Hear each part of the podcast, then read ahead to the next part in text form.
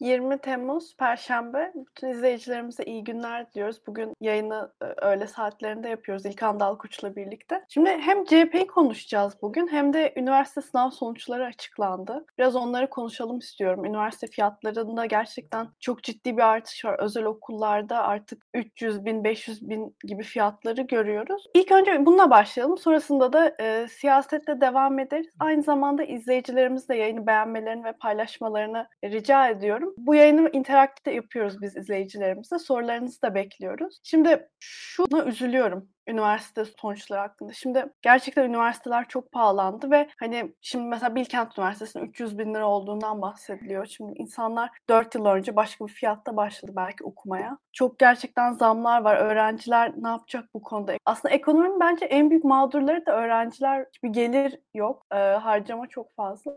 Sen nasıl görüyorsun süreci? Şimdi Aybike, eee, bir defa daha öncesinde bu okullara kayıt yaptıran arkadaşlara ve ailelerine, eee, geçmiş olsun demekten başka bir, eee, elimizde yol yok. Çünkü, eee, şunu biliyoruz ki bazı insanlar da, eee, sabit gelirli veyahut da geliri o kadar artmadan, eee, o gelirlerine güvenerek bu okullara kayıt oldular. Yani şöyle söyleyelim, yani şunu düşündüler, ben, eee, belki de bir evimin kirasıyla oğlumu okuturum diye düşündü bir aile.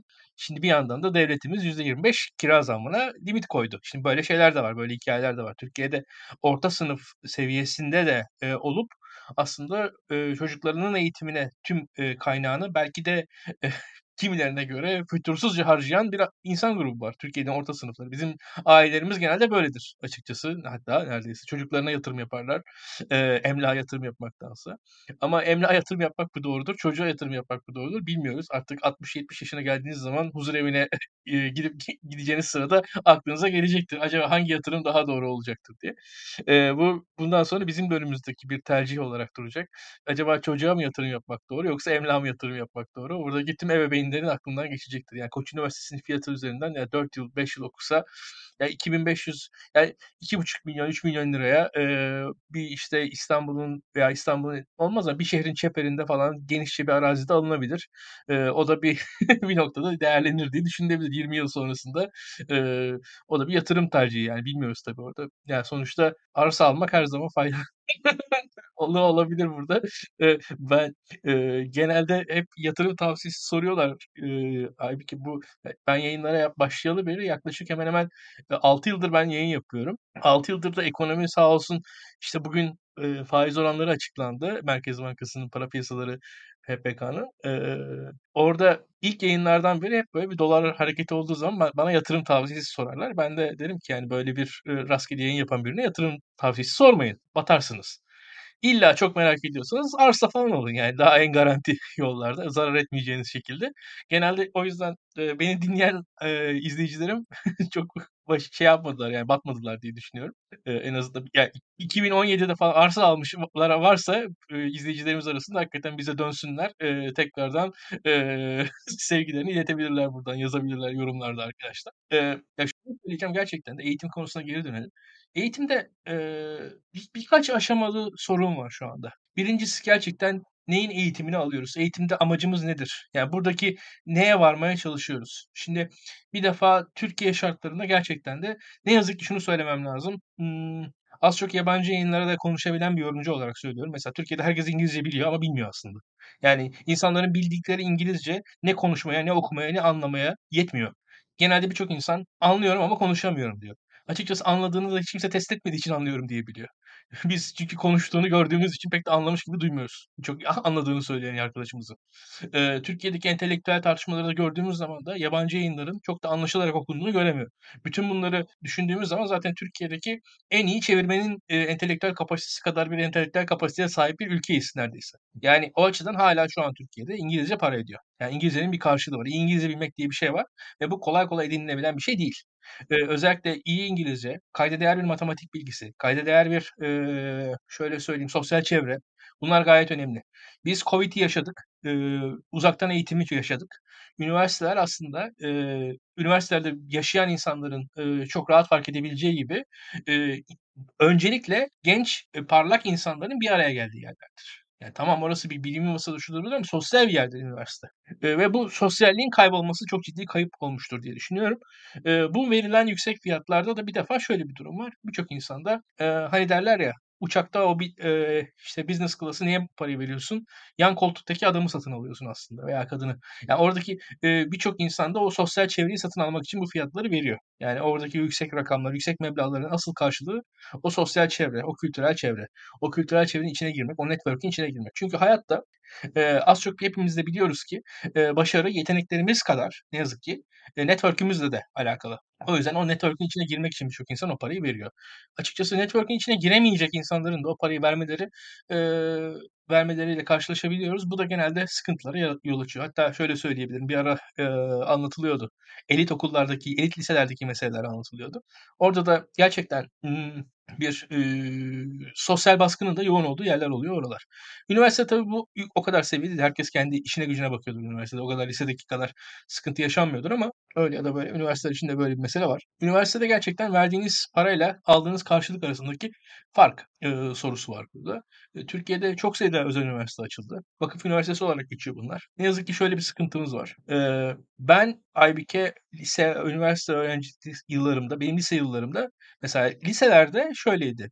Özel lisedeki öğretmenler bizim devlet liselerindeki öğretmenlerden daha yüksek maaş alırlardı. Biz bizim devlet liselerindeki öğretmenlerimiz özel liselerdeki öğretmenlere özenirlerdi. Hatta benim Anadolu lisemde mesela öğretmenlerim, eee, bizim sınıfta gürültü olduğu zaman, bizim sınıfta birazcık böyle ortalık karıştığı zaman "Yeter artık sizi bırakacağım, koleje geçeceğim." falan derdi açıkçası öğretmenimiz ve bize karşı bir otorite böyle kurulur. Şu an, eee, şöyle söyleyeyim, herhangi bir devlet lisesindeki maaşlar genelde özel liselerden daha, eee, yüksek durumda. Özel liselerin durumu daha kötüleşmiş durumda genel ola olarak. Birkaç, eee, köklü liseyi ayıralım ama, eee, özel liselerin genelinde durum kötü. Benzer şekilde şu an Türkiye'de vakıf üniversitelerinde çalışan akademisyen arkadaşlarımız var bizim. Eee, vakıf üniversitelerinde çalışan akademisyen arkadaşlarımızın ciddi kısmı sıkıntı içerisinde. Ve burada özellikle asistanların, eee, ağır, eee, iş koşulları, eee, olmayan, eee, sosyal desteklerle beraber yaşadıkları, eee, bir ciddi kriz, kaos var. Hatta şöyle söyleyelim, mesela KHK'lı akademisyenler var. KHK'lı akademisyenler arasında mesela özel okuldan, eee, işte özel okul öğretmeni pardon, hocası olarak atılmış bir akademisyenimiz vardı. Onun, eee, devlet, yani düşünün mahkeme geri dönüşüne karar vermiş. Ama özel okul, eee, bir de üzerine üst mahkemeye başvuruyor. Bu KHK'lı akademisyen geri dönmesin diye. Yani neredeyse, eee, düşünün okulun hâlini. Okul artık, eee, bizim devletten daha ceberut hâle gelmiş durumda bir okul sistemimiz var ne yazık ki. Yani burada verilen para tabii önemli. Eee, biz şu anda, eee, ağır ekonomik kriz şartları altında yaşadığımız için, eee, özellikle üst orta sınıf gibi, eee, Koç Üniversitesi'nde çocuğunu paralı okutmayı hayal edebilecek insanlar için çok yani bir şey, bir grup daha uzaklaştı o fırsattan şu fiyatlarla, o gözüküyor. Ama, eee, biz onu konuşuyoruz ama bir yandan da şu var, bu parayla neyi neyi alıyorsunuz? Para bu paranın karşılığı da ne?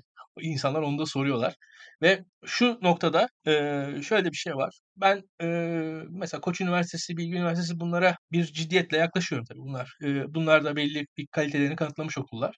Ama muadillerinin yanında ne kadar iyiler? Bu da ayrı, eee, tartışmalı. Genelde, eee, işte tercih dönemleri falan konuşuluyor şu anda biliyorsun. Eee, sosyal bilimler için ayrı şeyler söylenebilir. Çağımız çok değişti. Gençlere üniversite mi seçmek önemli, lise mi seçmek önemli falan. Bana da böyle davetler geldi işte. "İlkan hocam gelin, işte Discord'da toplantı yapalım. 20-30 kişi sizi dinleyelim." falan dediler hatta. Benden ya ben dedim bu konunun uzmanı mıyım ama "Yok, yok siz konuşun." dediler. Eee, ha hakikaten de merak ediyor insan. Yani ben bak başıma geldiği için söylüyorum bunu. Birilerinden duymak istiyorlar, birilerinden bilgi almak istiyorlar ama hepimizin bilgisi de bir yandan Aybüke mesela, geçmiş bilgi. Mesela biz ne diyoruz? ÖSS diyoruz.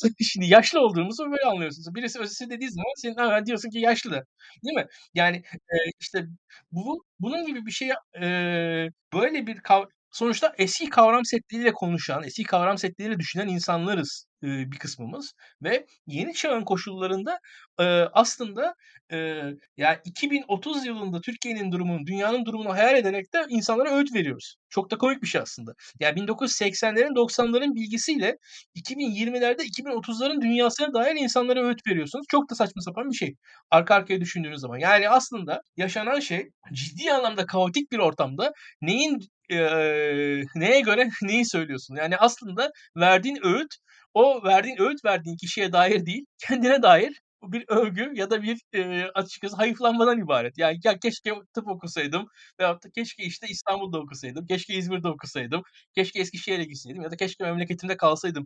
Eee, o kendime dair hikâyenin, eee, gençlere yansıtılmış hâlinden başka bir şey değil bu. Veyahut da, işte, keşke hukuk okusaydım diyen birisinin, eee, anlattığı şey veyahut da ya işletme okurdum ben çok da güzel kariyer yapardım falan diyen birisinin veyahut da, işte, mühendislik okusaydım çok rahat yurt dışına giderdim, işte, tıp okurdum şimdi Almanca öğrenirdim veyahut da uzmanlığa çalışırdım ben bir, işte, dermatoloji kazanırdım falan. Şimdi bütün bu hikâyelerin, eee, tek tek üstünden geçtiği şey genelde öğüt verenle verilen arasındaki tartışmalar. Şimdi, eee, şunu söylemek lazım. Tabii, eee, öğüt vermeye bu kadar hevesli bir insan olarak ister istemez kendim de öğüt vermenin yollarını arayacağım. Şimdi öğüt vermenin ilk yolundan bir tanesi en azından daha genel geçer öğütler vermek. Burada da programın başına dönüyorum. Ne demiştim ben? Eee, tarla alın. Şimdi tarla alın mesela genel geçer bir vaattir bu. Yine aynı şekilde öğüt konusuna gelirsek şöyle bir şey söyleyebiliriz. 1'incisi zamandan bağımsız olarak meslekler değişebilir. Eee, işte, paranın kaynakları, tatminin kaynakları değişebilir. İnsan çünkü, eee, birçok şey isteyebilir. Üniversiteden ne istediğinize bakar. Bir size bir, eee, işte, altın bilezik mi taksın kolunuza isterseniz yoksa size bir kültürel çevre mi versin istersiniz yoksa ailenizden uzaklaşmak mı istersiniz sadece? Hangisini isterseniz ona göre değişir. Belki ülkeden uzaklaşmak mı ister, ona da vesile olabilir. Bütün bunların yanında ama şunları söyleyebiliriz. Dünyada genel geçerde bazı şeyler var. Eee, şunu biliyorum ki 2030'larda da Türkiye'de ve dünyada İngilizce önemli olacak. 2030'larda da belli bir şekilde analitik düşünmenin önemi olduğu açık. Matematik bilgisinin önemi olduğu açık. Eee, dünyada şöyle ya da böyle, eee, bilgisayar okuryazarlığının, eee, öneminin olduğu açık. Bunlar, eee, gayet de gelişecek şeyler diye düşünüyorum. Eee, bunun yanında da şunu da söyleyeyim. Eee, sözel bir alandaysanız da yazı yazabilen insanlar olmaya çalışın. Yani kendinizi doğru düzgün ifade edebilen, eee, rahat rahat dilekçe yazabilen, kendisini yani 4-5 paragrafı düzgünce, eee, doldurabilen bir insan, eee, ciddi şekilde öne de geçer hayatta diye söyleyebilirim. Bunun gibi genel geçer doğruların peşinde koşturursanız, yani daha ziyade matematik gibi, İngilizce gibi temel konularda kendinizi bir noktaya getirirseniz zaten hayatta bir yere gelirsiniz. Onun dışında tabii ki Türkiye şartlarında işin bir de devlet boyutu var. Yani, eee, istihdam konusunda. Onda yani bizim, eee, ya o konuda da şöyle söyleyeyim, Adalet ve Kalkınma Partisi'nde 10 küsur milyon üyesi var yani neticede. O o insanlar da boşuna üye değiller. Eee, belli bir şekilde mobilize olmak lazım. Orada da network'ler önemli. Hayatta network'lerin içinde kalın, network'leri görün, network'leri deneyin, eee, dokunun. Eee, network'lerin ne anlama geldiğini anlamaya çalışın. Yani, eee, network dediğiniz zaman da bu ne yazık ki Türkiye şartlarında şu mesela menzilde network. Yani neticede o insanlar da bir yere giriyorlar. Veyahut da, işte, eee, bakılırsa buradaki Daktilo'nun yorumcuları da bir network oluşturuyorlar. Herkes yani mesela birisinin bir, işte, atıyorum kan arasa biz RT'leriz. Yani anlatabiliyor muyum? Sonuçta, eee, o network'ün içerisinde kalıyorsun. Veyahut da benim mesela annemin ameliyatı vardı. Gerçekten de kan ihtiyacımız vardı. Bir takipçim karşıladı. Yani sağ olsun. Bu, eee, bu sosyalleşmenin içerisinde sosyalleşmeye mahkumuz. Buradan devam edelim. Gerçekten de, eee, temel olarak herkesin kendi hayatı, onu söyleyebilirim. Onun dışında, eee, okulun kalitesini, oradaki hayatınızı görmeye çalışın, eee, ve kendi, eee, kendinize de şöyle söylemek lazım. Imm, ne yazık ki Türkiye'de, en azından benim çağımda liselerde şöyle bir, eee, jargonla, eee, eğitim, eee, verilirdi. Hayatınızın en önemli sınavı. Yani açık konuşmak gerekirse üniversite sınavı sizi üniversite sınavından bir gün öncesinden çok, çok, çok, çok, çok ileriye götürmez. Yani evet, iyi bir sonuç iyidir ama, eee, ya s hayatın tüm alanlarında başarısızsanız, yani mesela diyelim şişmansınız, eee, kilonuza dikkat etmiyorsunuz, sağlıksızsınız, sigara içiyorsanız, atıyorum, eee, tembelseniz ama sınavda başarılıysanız bu sizi bir anda hayatın, eee, tüm sorunlarınızı bu bu sizin hayattaki tüm sorunları çözmez sınav. Yani, hani, sınav sizin tüm sorununuzu çözmeyeceği gibi tam tersine hayatın kalan noktalarında başarılıysanız, yani düzenli, nizamlı, işte, eee, sağlıklı bir insansanız, kendinize saygınız varsa, etrafınızla ilişkiniz iyiyse sınavınızın kötü olması da sizi hayatın tüm noktalarını geriye götürmeyecektir diye düşünüyorum. Yani, eee, bu sınav evet önemli ama sınav kadar önemli. Yani daha fazlasından önemli değil. Eee, ve hayat, eee, böyle bir metriklerle ölçülebilir basit bir şey değil. Yani, eee, hayat gerçekten de, eee, içine girdiğiniz zaman fark ettiğiniz gibi çok karmaşık, sonsuz olasılıkların birbirleri üzerinden, eee, gerçekleşme ihtimallerini bulup ve bulduğunu ve bir anda kaybettiği bir noktadayız hayatta, hayat dediğimiz şeyde. Ve orada da siz, eee, ne olursa olsun, eee, ne olursa olsun bir sınavla ölçülemezsiniz. Eee, yani, işte, Aybüke 1'inci, İlkan 17'nci. Hayat böyle bu kadar basit değil. Yani öyle bir metrikle, eee, işaretlenmiş bir, eee, basitlikte değil. Hayat çok daha karmaşık. Bunu bilerek hareket etmek lazım. Yani, eee İşte neticede kendinizi gerçekleştirmenin yollarını arayacaksınız. Ve şöyle de söyleyeyim, sadece şikâyet ederek de olmaz. Artık, eee, özellikle bu insanların da bu sınav sonucu açıklanan arkadaşlarımıza da onu söylemek lazım. Artık, eee, yaptıkları, eee, kararların neticelerini neti neticelerine katlanacak, neticelerine göğüs gerecek olgun insanlar olmaları gerektiği, onlardan onun beklendiğini unutmamaları gerekiyor. Eee, ne yazık ki, eee, yıllar geçtikçe, eee, olgunlaşma yaşının arttığını görüyorum kendi adıma. Yani, eee, uzatılmış ergenlikler yaşanıyor şu anda tüm Türkiye'de, tüm dünyada hatta. Bunun yarattığı sorunlar, eee, şu an gençlerin de üzerinde. Artık Z kuşağı yavaş yavaş, eee, çekilecek, alfa kuşağı da gelecek. Bilmiyorum sonumuz ne olacak? Eee, biz de izliyoruz. Eee, açıkçası şunu görebiliyorum. Eee, Türkiye'de üniversitede karşılaşacağınız insanlar, eee, yani da iyi ya da kötü, doğru ya da yanlış, öyle ya da böyle bir hayatın simülasyonunu size sergi sergileyecekler. Üniversiteye gitmekten gitmeyi tavsiye ederim bu yüzden. Eee, ne okuduğunuzdan bağımsız olarak orada olmak, kendi yaşıtlarınızla öyle ya da böyle bir belli bir, eee, seçilmişlik içerisinde beraber olmak, eee, önemli. Çok kişiye çok şey katacağına inanıyorum. Eee, açıkçası, ııı, bu konuda da her fırsatı değerlendirin. Eee, yurt dışı, yurt içi vs. tüm fırsatları değerlendirin. Üniversite içerisine girdiğiniz zamanda da, eee, açık elinizdeki fırsatlarla beraber yurt dışında da, eee, var olmaya çalışın. Şunu söylemek gerekiyor mesela, eee, yani, bir mesela lise öğrencisi Daktilo'da, ımm, staj yapmak istemişti. Biz staj imkânı sağlayamadık ama iletişim kurabildik kendisiyle. İşte yönlendirmeye çalıştık. Tam bizim yönlendirmemizi aşacak kadar kabiliyetli birisiymiş zaten yani. Açıkçası bizim yönlendirmemize gerek kalmadı. Eee, şunu biliyoruz, şunu bilin, eee, öğrenci olduğunuz zaman size sunulan birçok fırsat öğrenci olduktan olmanız, ııı, öğrenciliğiniz bittikten sonra size sunulmayacaktır. Yani bunu çok net söylemek lazım. Yani size 21 yaşında, 22 yaşında sempatiyle bakan birçok insan 25 yaşında sempatiyle bakmayacak. Bunu bilerek, eee, bu yaşlarınızı getirmenizi geçirmenizi tavsiye edebilirim açıkçası. Yani şu yaşlarınızda, eee, merhaba dediğiniz zaman siz potansiyelli, gelecek vaat eden bir insansanız, eee, 25 yaşınızda, eee, o kadar da o potansiyelinizi göremeyebilir insanlar. Genelde insanlar böyledir açıkçası. Bu fırsat buna göre de hayata yaklaşmanız bence sizin için daha doğru olur diyebilirim. Gençlere bunları söyleyebilirim kendi adıma. Eee, ben de bu işin uzmanı değilim açıkçası. Dediğim gibi, eee, öğüt verme kısmında da, eee, genelde yaşlı insanların kendilerine dair, eee, anlattığı şeyler. Şu ana kadar anlattıklarımdan daha ziyade bana dair sonuçlar çıkar aslında. Gençlere dair pek de sonuç çıkmayabilir belki de ama, eee, beraber konuşalım. Ayrıca ilginç bir yorum falan gelirse altına, eee, okuyacağımızı da söyleyelim. Yani açıkçası sizin yorumlarınızı okuruz. Daktilo'da benden çok daha akademik olarak başarılı, eee, üyeler var. Onlara iletiriz gerekirse. Eee, ciddi doçentlerimiz, uluslararası akademisyen, eee, dostlarımız var bizim de. Eee, işte network diyoruz ya, biraz bu bu işte yani. Eee, böyle onlara da iletiriz sorularınızı, sorunlarınızı. Onları da iletmekten çekinmeyin diyelim. Eee, fiyatlara tekrar döneyim. Fiyatlar çok ama yani Aybüke keşke yani o fiyatlar sonucunda alacağımız şeyden de emin değiliz. Yani sıkıntı orada. Yani, eee, COVID-19'dan sonra COVID-24 çıktığı zaman ve üniversite 2 yıl gidemeyeceksen mesela, eee, Boğaziçi'ni Van'da okuyan arkadaşlar. Şimdi bu, eee, bu o zaman o parayı niye verdin duygusuna kapılacaksın bir de. Ve benim, eee, yani çok yakın bir dostumun şeyi vardı, eee, konuşuyoruz. İşte Boğaziçi Üniversitesi'nde okuyor. Ya dedi, işte tüm hocalarımız işte COVID önlemleri olmadan asla eğitim sürmez sürmez falan diye böyle hepsi, eee, çok duyarlı paylaşımlarda bulunuyorlar. İşte ana sayfalarında. Bir de kendi Instagram'ları var. Instagram'da da bir yandan böyle şey, eee, herkes konserde falan aynı hocalar. Tabii yani, eee, tabii, ııı, üzücü yani. Özellikle üniversitelerde diyeyim diyelim ki birbirinizle bir araya gelmenin, eee, yollarını arayın, bulun. Çünkü farklı insanların bir araya gelmesi, eee, tüm, ııı, ahali için en iyisidir bence. Eee, ben öyle olduğuna inanıyorum. Bu konuda hakikaten birazcık sabit fikirliyim. Eee, ve şöyle söyleyelim Aybüke, yani mesela lise hayatına kadar, ııı, şunu görüyordum ben. Mesela senin açından diye düşünelim. Tüm ilişkilerin öyle ya da böyle belli bir hiyerarşi içerisindeydi. Yani babanla, annenle olan ilişkinde bir hiyerarşi vardı. Öğretmenlerinle ilişkilerinde bir hiyerarşi vardı.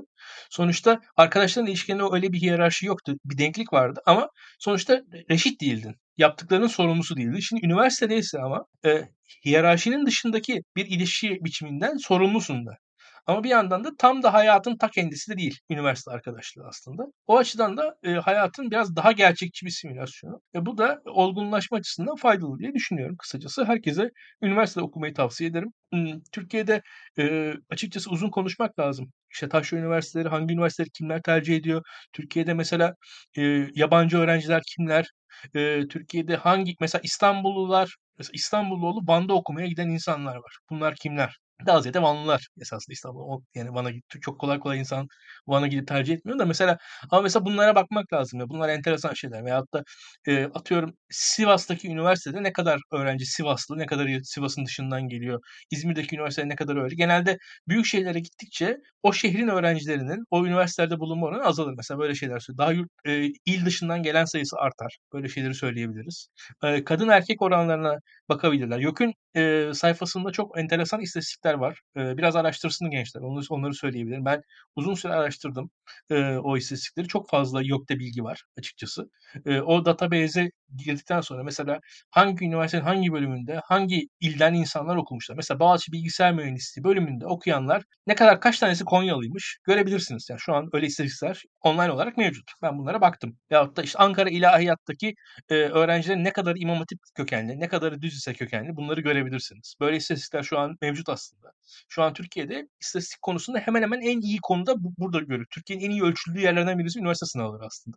E, o açıdan da e, çok önemli. Veyahut da şöyle söyleyelim. E, mesela Diyarbakırlı öğrenciler nereleri tercih etmişler? Biz bunları biliyoruz aslında. Türkiye'de akademisyenler tembel olduğu için buralardan doğru düzgün yayınlar çıkmıyor. Onu söyleyebilirim. Ben çünkü baktım baya baya baktım. Çok şey de öğrendim o, o, istatistiklerden. Onu söyleyebilirim. E, bunun yanında e, tabii ki e, kimin enteresan bölümler var, yeni bölümler var. E, akademi hayatı yakalamaya çalışıyor. Yeni bölümler açılıyor. Farklı imkanlar sunulmaya çalışılıyor.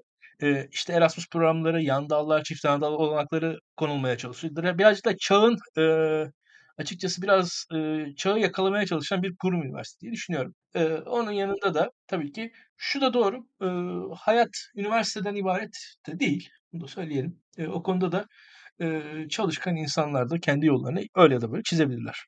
Bu konuda da e, çok fazla o kadar da gerek yok herhalde. Bizim izleyicilerimiz benden daha iyi biliyorlardır her şeyi. Evet yani ben de artık üniversite son öğrencisi olarak mesela ben okula galiba bir yıl gittim. Yani şöyle iki yıl uzaktan okudum. Bir yıl Erasmus okudum. Şimdi evet. iki ay sonra mezuniyetim var. Mezuniyette sınıf arkadaşlarımla tanışacağım artık inşallah. Öyle bir duruma geldi. Ama yani mesela şunu söyleyebilirim. Aslında hani üniversitenin ortamını bilmiyorum ama o yıllarda insana gerçekten çok fazla imkan açılıyor. Ona kesinlikle katılıyorum. Mesela ben Ali Deniz'le Clubhouse'da oda açıyorduk. Sonra bir anda Medyascope'da yayın yap demeye e, geldi. İşte bir yıl Ali Deniz'le birlikte yayın yaptık. Sonra mesela Barış'la tanıştım bu vesileyle. Barış da dedi ki işte gel Daktilo'ya yayın yap dedi. Hani aslında birazcık zincirleme bir şekilde hı hı. insana fırsatlar açılabiliyor. O yüzden hayatın içinde de olmak önemli bu anlamda. Ve gerçekten hani çok bilmediğim şeyleri öğrendiğim bir aslında dört yıl oldu. Şimdi Tabii. şey sıkın mesela üniversite eğitimi ortalama olarak her yerde aynı ama ben şehrin çok fark ettirdiğini düşünüyorum. Bir şehrin getirdiği imkanı. Mesela İzmir'deki ya da İstanbul'da ya da Ankara'da çok farklı alanlarda insana şans oluşturuyor. Belki tercih yapacaklar bunu da göz önünde bulundururlar. Onun dışında şunu düşünüyorum. mesela ben üniversiteye tercih yapacağım yıl ben bir özel lisede okudum. Sonra üniversite fiyatlarına baktığımda özel üniversite liseden daha ucuzdu. Çünkü piyasada daha çok üniversite var, daha az lise var. Aslında böyle değişik e, dur, dengesizlikler de var piyasadan dolayı. Mesela lise eğitimi üniversite eğitiminden çok daha pahalıydı şu an. Ne durumda bilmiyorum. Hı hı. Bu şekilde yani tabii ki şey de doğru tabii. Üniversite her şey değil bu sınav. Bütün her şeyin sonucu değil. Bir de hayat çok geniş yani. Bir bir şey olmadığında daha bir sürü imkan açılıyor insan önüne. Ee, üniversiteyi kapattıktan sonra bir de galiba CHP'nin önünde bir sınav var. Nasıl sınav mı? Ee, hatta son günlerde işte Ekrem İmamoğlu'nun da içinde bulunduğu bir Zoom, Zoom toplantısı. Aslında gizli bir toplantı da değil ama gizli bir toplantı olarak medyaya lanse edilmiş. İşte çok fazla başlık gördüm. İhanet mi, siyaset mi gibi ama aslında insanların toplanması ya da bir şeyin konuşulmasının pek ihanet olduğunu düşünmüyorum.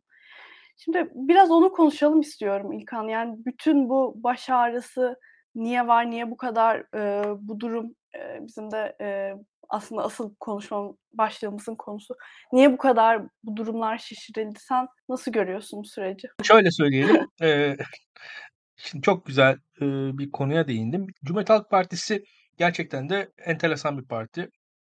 Türkiye'de parti içi çekişmelerin, e, çatışmaların tarihi Cumhuriyet Halk Partisi'siz yazılamaz.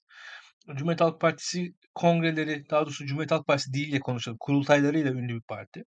Kurultay e, geleneği olan, kendi e, parti içi disiplini de parti içi demokrasiyle az çok bir dengede gö- götürmüş bir parti Cumhuriyet Halk Partisi. E, son seçim yenilgisinin ardından Cumhuriyet Halk Partisi'nde beklenen e, hareketlilikler yaşanıyor. Açıkçası benim beklediğimden çok daha düşük boyutta yaşanıyor burada. Bir defa ihanet mihanet yani öyle bir şey yok ihanet. Yani ihanet e, dediğiniz şey şöyle bir şeydir. İhanet kavramı bir insan belli bir kuruma getirilir. O, o, o kurumun e, o pozisyonun gereklerinin yerine getirmezse ihanet etmiş sayılabilir. Yani şöyle söyleyelim. Mesela İstanbul Belediye Başkanı olursunuz. İstanbul Belediye Başkanlığı olurken nasıl iade edebilirsiniz? Mesela atıyorum İstanbul Belediye Başkanlığı yerine İstanbul Belediyesi'nin bütçesi gidip Bükreş Belediyesi'nin işlerini yaparsanız belki ihanet etmiş olursunuz İstanbul'a. Yani. yani öyle bir şey. O ihanet kavramı böyle bir şey. Veyahut da e, şöyle söyleyeyim. Türkiye'de albaysınızdır. Gidip Yunanistan'ı korumaya kalkarsınız savaşta. O ihanettir yani. E, genelde ihanet böyle herkese çok bol kesilen e, atfedilen bir özellik. Öyle bir yani Kılıçdaroğlu'nun yerine e, herhangi bir Cumhuriyet Halk Partisi'nin genel başkan olmasını e, istiyor olmak Cumhuriyet Halk Partisi'ne ihanet falan değildir. Yani bir defa bunu söylemek lazım. Cumhuriyet Halk Partililerin zaten e, kendi yapabilecekleri yani sonuçta e, oy kullanacaklarsa orada zaten oy vermeleri bekleniyor partilerden, kongrelerde, kurultaylarda. O yüzden ta, ihanetin tam tersi yaşanıyor orada yani bence. Bir defa kavramsal olarak. E, asıl e, komedi olayı şurada e, hissediliyor bence bunun ihanetle adlandırılabiliyor olması bizim e, siyasal jargonumuzun ne kadar e, daraldığını, ne kadar aslında kısıtlandığını, ne kadar bizim e, zihnen köleleşmiş olduğumuzu gösteriyor. Böyle bir e, toplantının ihanetle adlandırılabiliyor olması bir defa e, çok ağır güvenlikçi bir dille konuşmaya e, mahkum ve de bunun dışında konuşamayan yani ya diyelim bu toplantıdaki konuşmalara karşısınız. Ve Kılıçdaroğlu'nu destekliyorsunuz. Yani ben karşıyım diyebilirsiniz yani ihanet etti demenize de gerek yok yani. Bu, bu, bu şey gibi yani herkes herkesi desteklemek zorunda da değil. Bunu da söylemek lazım yani. Belki bu toplantıdaki kişilere, kişilerin üsluplarına, Kılıçdaroğlu'na karşı olan tavırlarına, Cumhuriyet Halk Partisi'ne dair vizyonlarına vesaire hepsine karşı olabilirsiniz. Gayet normal. Ama buna ihanet demek absürt. Bir de yani e, toplantının sunulma şekli, Ortada skandal hiçbir şey yok. Ve skandal, rezalet falan. Ya bence asıl skandal şey böyle bir şeyin sunulmuş olması.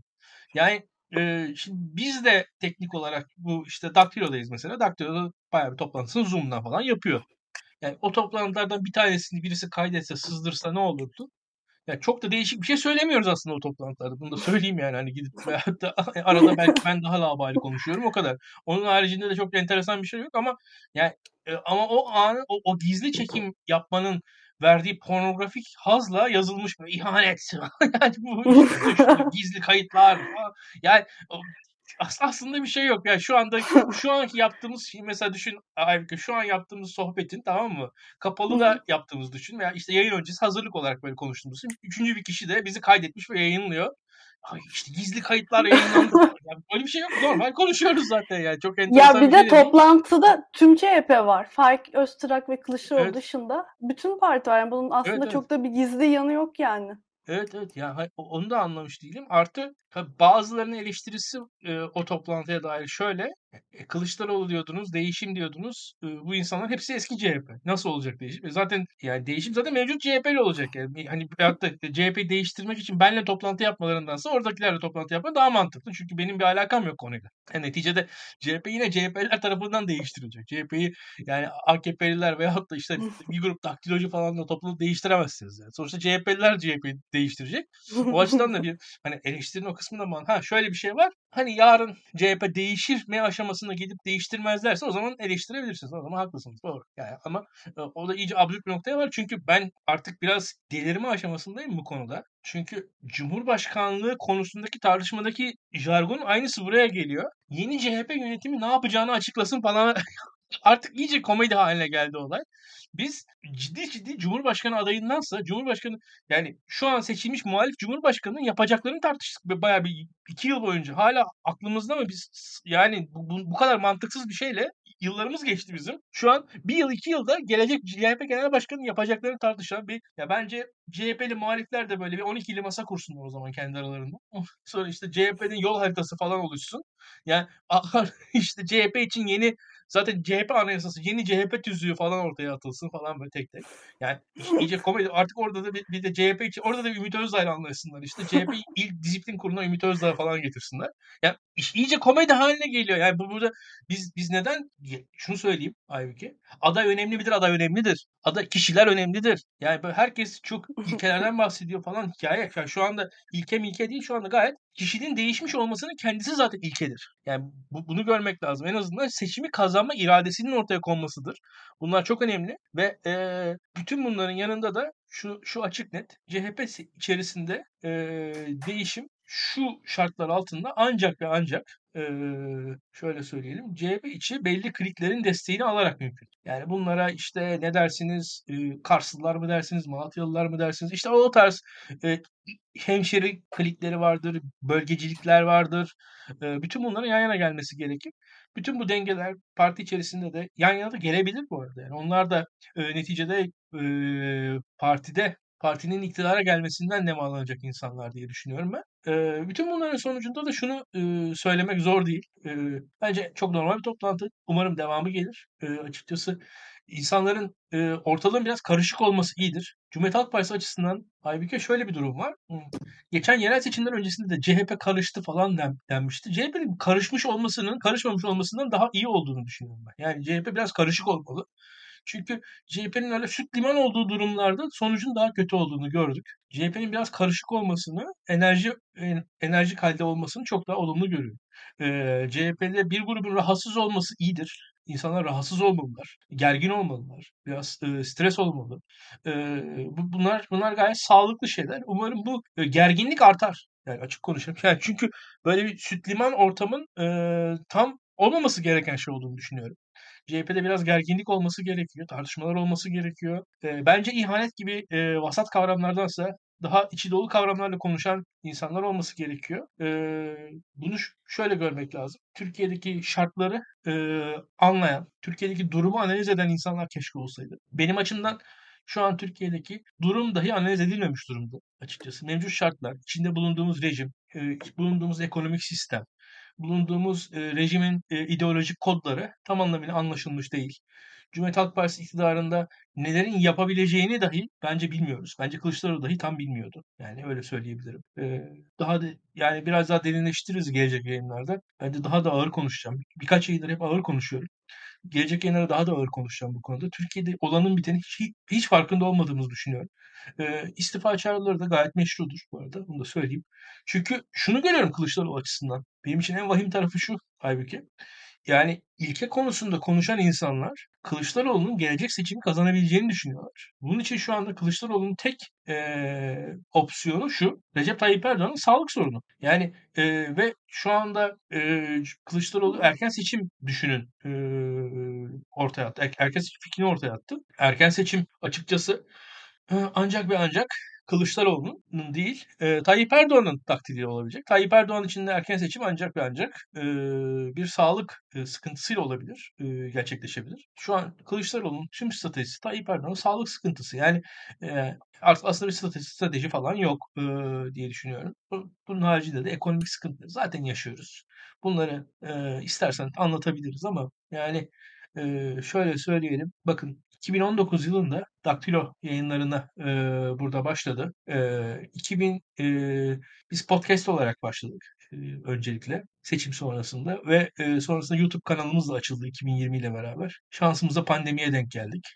E, çok fazla rakibimizle beraber çok büyük heyecanla yayınlar yaptık. Burada ben, Nezih Onur Kuru, Burak Bilgehan, Enes Özkan. Ben de o, zaman o izlemeye başlamıştım Evet. Daktilo'yu. Ya o zamanlarda açıkçası eee, bir yandan da 2019 seçimlerinin verdiği heyecanla 2023 seçimlerine dair bir eee, umut aşılayan bir yayın çizgisini takip ettik. Ve genelde eee, tüm muhalefeti de kucaklamaya çalıştık.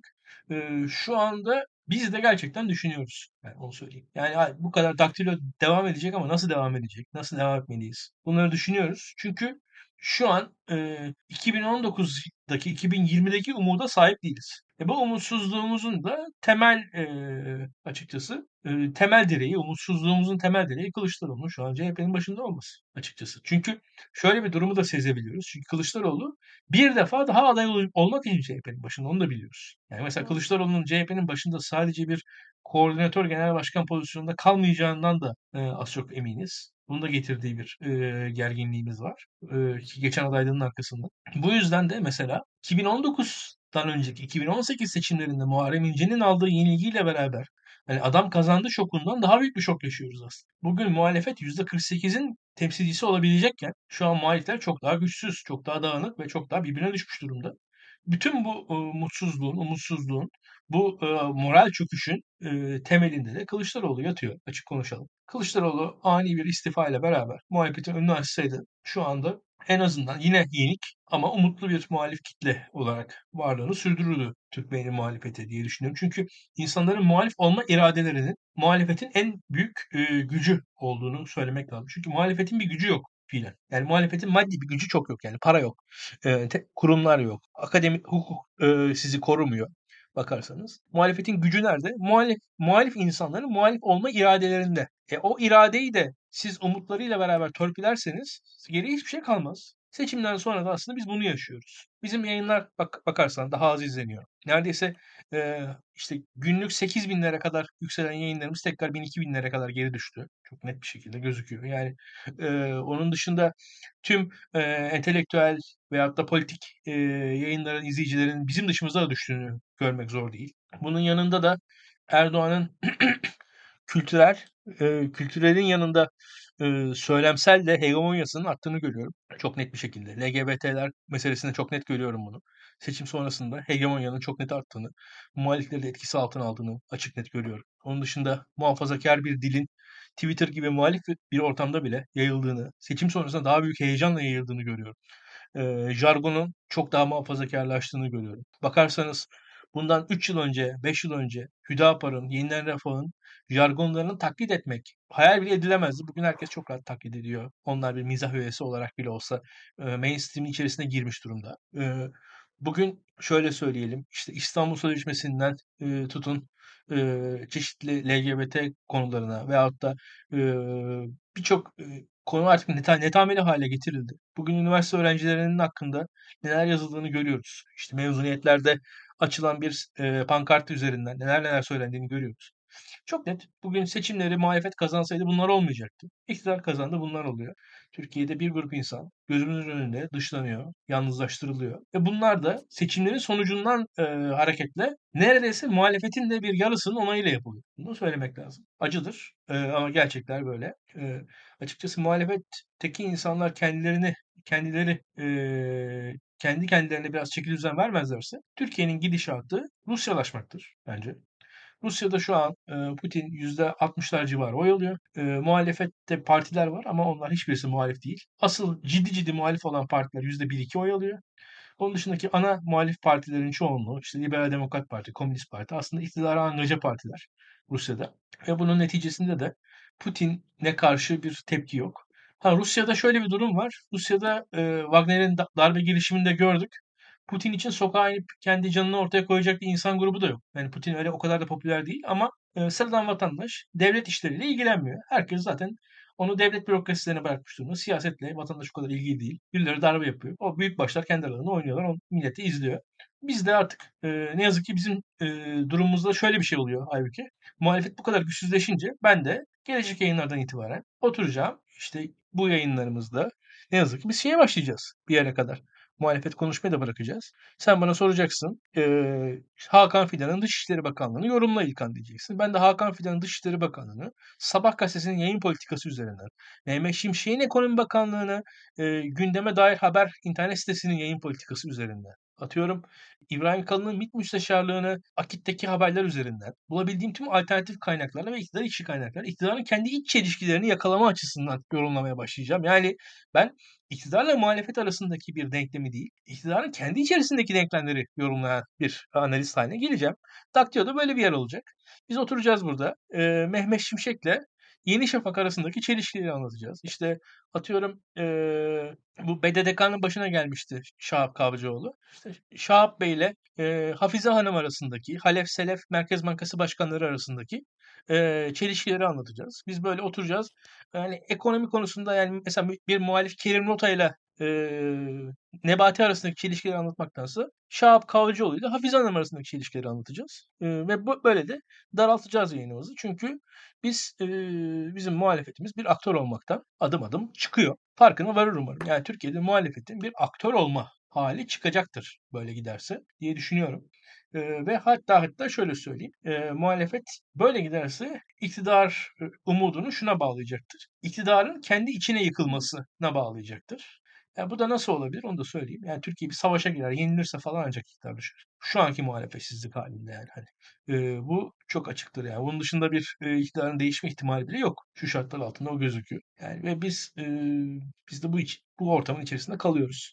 Dediğim gibi oturuyoruz. Cumhuriyet Halk Partisi'ndeki Zoom toplantısını tartışan insanlar. Bana bana zul gelen bir şey yani Zoom toplantısı tartışmak. Dediğim gibi ben mesela yarın ikide bir Zoom toplantım var benim açıkçası. O, o da teknik olarak gizli bir toplantı mı acaba? Evet yani yayınlanmayacak hiçbir yerde. Yani belli bir hakikaten çalıştığım bir yerde bir toplantı olacak. Şimdi o- onu birileri yayınlasa ne anlamı? Nelerle uğraşıyoruz? Ben Hakikaten komik yani. Hakikaten komik. İlkan Dalkuş'un gizli konuşmaları diye. Yani şöyle bir de ben gireyim kişi olarak Zoom toplantısına iki kaydedip kullanıcı. Yani şöyle bir de asıl e, ihanet e, Cumhuriyet Halk Partisi'nin ana muhalefeti bütün muhalefet aktörlerini e, birleştiren partinin daha böyle siyaset yapamaması, daha çok kazanabileceği bir seçim kazanamayacak kadar vasat olmasına göz yumak bence asıl işin muhalefet kısmı.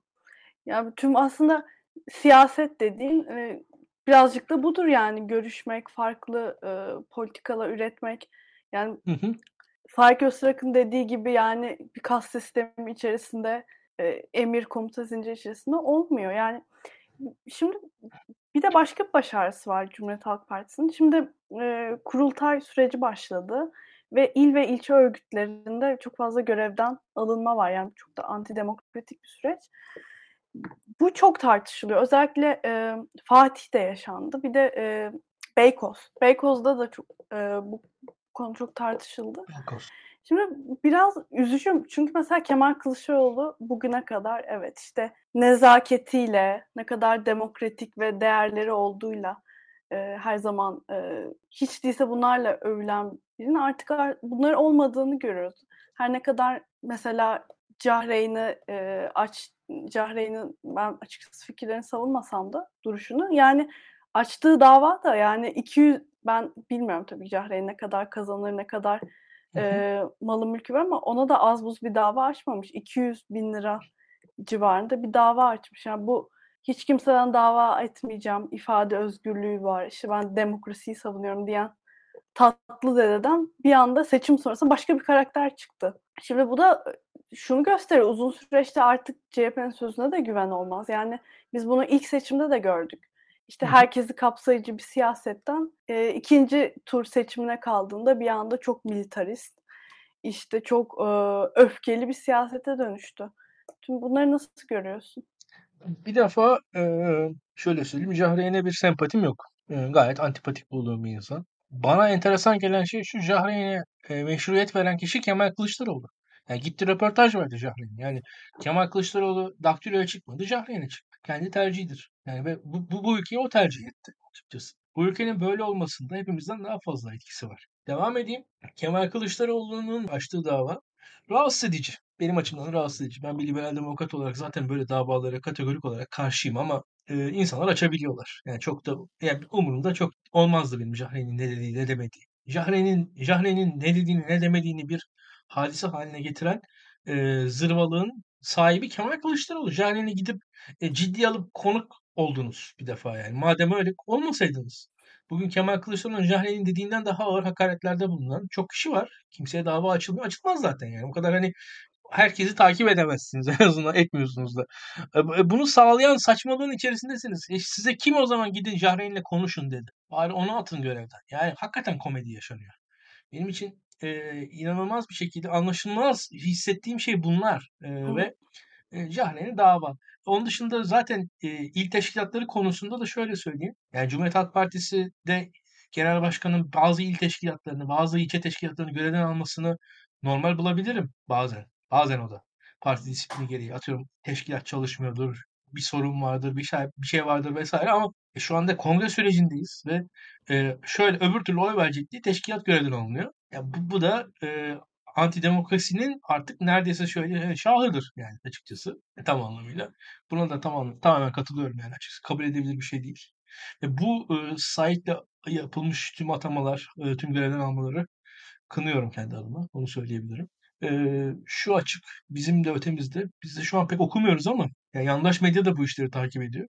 Yandaş medyanın şu anki Kılıçdaroğlu öven pozisyonu da not edilmeli diye düşünüyorum. E, o da yani biraz üzücü bir pozisyon. Umarım işler e, MHP kongresi e, aşamasına gelmez açıkçası. 2017 MHP kongresini de biz yaşadık. E, benim açımdan en tehlikeli şey o. Çünkü Adalet ve Kalkınma Partisi'ne e, borçlu bir CHP yönetimi Türkiye'de demokrasinin bitmesi anlamına gelir. Yani onu söylemem lazım. Şimdi Rusyalaşmak diyoruz ya. Rusyalaşmanın bir de böyle bir şey var. Mesela Türkiye'de Şimdi MHP Türkiye'de zaten demokrasi olan bağlılığıyla tanınan bir yer değildi açıkçası. ve MHP'liler de Türkiye'nin en demokrat insanı olarak bilinmiyorlardı. Ama MHP kongresinde bir antidemokratik e, baskı yaşandı. Ve devlet hukuk unsurları üzerinden e, MHP kongresine müdahil oldu. E, Meral Akşener'in Devlet Bahçeli karşısında kongreyi kazanacağı belli olduktan sonra hukuk müdahaleleriyle kongre bir şekilde yaptırılmadı ve e, Devlet Bahçeli de hukukun e, verdiği güçle devletin e, ona sağladığı imkanlarla kanunun ona sağladığı asimetrik güçle MHP'de iktidarda kaldı ve e, İyi Parti'nin ortaya çıkış süreci yaşandı. E, korkunç bir şey açıkçası. Böyle bir sürecin CHP'de yaşanma ihtimalinden yani e, sürecin sonuçlarından bağımsız olarak ürküyorum açıkçası Aybike. Yani şunu söylemem lazım. Çünkü demokrasi Türkiye'de yaşandığı şekilde aslında partiler arası bir demokrasidir. Parti içi demokrasi Türkiye'deki demokrasinin bir ileri aşamasıdır. Parti içinde de demok antidemokratik şeyler olur ama e, olabilir ama e, özellikle bir partinin işleyişine e, devletin müdahalesinin olması e, bizim demokrasimizin en büyük e, şöyle söyleyelim defolarından birisi haline gelir açıkçası. Ve burada da ben e, şunu da yaşayan birisiyim. Yakın arkadaşım biliyorsun Yeşiller eş sözcüsü Koray ve onlar e, partilerini kuramıyorlar. Şimdi hala kuramıyorlar. İçişleri Bakanı değişti. Hala Yeşillerle İçişleri Bakanları arasındaki mesele devam ediyor. Şimdi buna benzer bir şekilde Cumhuriyet Halk Partisi içerisine iktidarın unsurlarının hukuk yoluyla vesaire şu an medya yoluyla belli bir e, e, gündem oluşturma çabalarını görüyorum. Yani A Haber'in CHP yönelik haberleri vesaire şu anda öyle bir çaba var. Ama bu çabanın hukuk yoluna da yani kanun yani CHP kurultayına dair kanuni süreçlerin içerisinde de iktidarın bir müdahalesi olursa bu Türkiye'nin zaten azalmış olan demokrasi seviyesinin e, artık geri döndürülemez şekilde azalması anlamına gelebilir diye düşünüyorum. Çok tehlikeli, çok kritik bir noktadayız. Burada e, yani mesele artık Kılıçdaroğlu e, veyahut da işte atıyorum Özgür Özel meselesi değil. Yani burada bambaşka bir mesele var. Böyle bir mesele riski var. E, bu bu bu risk Kılıçdaroğlu'nda, Özgür Özel'de, İmamoğlu'nda, işte Karayalçın'da, Övmeni'de aşar. Türkiye'nin demokrasisini verme anlamına gelir. CHP'nin o açıdan e, CHP'nin özellikle iktidarın hukuk müdahalelerinin e, ötesinde kalabilmesi gerekir diye düşünüyorum. E, bu konunun da takipçisi olalım. Daha da tekrar konuşuruz bunları. Ama dediğim gibi CHP'nin umutlu olmasına ihtiyacı var. CHP'nin umutlu olmasının kendisinin çok önemli olduğunu düşünüyorum. O umut kaybedilirse zaten Yani şu anda da yaşadığımız şeyler katlanarak devam eder. Ülkeden yurt dışına göç, seçimlere ilgisizlik, süreçlere ilgisizlik, sandıklara sahip çıkılmamasının artışı, işte gönüllü bulunamaması. Yani neticede şu açık net gözüküyor. Cumhuriyet Halk Partisi'nin geçen yayında söyledim dalga geçtiler ama yani hakikaten CHP, AKP'nin 10 küsur milyon üyesi var. CHP'nin 1,5 milyon üyesi var. CHP'nin üyelerinin çoğunluğu prostatta falan yani yaşlı insanlar açıkçası. Sandıklara sahip çıkmaları zor. Yaşlı bunlar. Yani genç üyesi yok CHP'nin. Ee, CHP'nin hakikaten de mesela üye sayısını 3 milyona 4 milyona çıkartması lazım gelecek seçime kadar. Ki sandıklara sahip rahat rahat çıkabilsin. Bu bile e, kolay bir hedef değil açıkçası. E, bunun sağlanması gerekiyor. Bunun sağlanması için de bir umuda ihtiyaç var. Bu umut yok olursa elde bir şey kalmaz ne yazık ki. E, ben de ciddi kötümserim. Yani tek tek onun dışında muhalefetin iç çelişkilerini falan konuşuruz vesaire. Yani seçime kadar daha süremiz var. İzleyiciler şimdilik bunlarla idare etsinler. Evet yani CHP hiç değilse kendi partilerinde umudu kaybettirmesinler. Murat Yaşar Akar güldüğüm bir yorum yapmış. Demokrat dede seçimlerden sonra Şirinler Köyü'nü ele geçirmek isteyen Gargamel'e dönüştü. bir yorum yapmış. Onu güldüm benzetmesine. Şimdi biz bugün e, ilk üniversite sınav sonuçlarını konuştuk. Eğitimin e, gele, sunduğu gelecek imkanlarını, eğitimin e, fiyatındaki artışı konuştuk. Cumhuriyet işte Ekrem İmamoğlu'nun yaptığı tırnak içinde gizli Zoom toplantısını konuştuk. Ve e, son olarak da bu artık CHP'nin önündeki e, kurultayı konuşarak e, yayınımızı sonlandırıyoruz. İzlen, izleyicilerimize yani yayını beğenmeyi ve paylaşmalarını rica edelim yayınların devamlılığı için. E, hep herkese iyi günler diliyorum. Görüşmek üzere. Görüşürüz.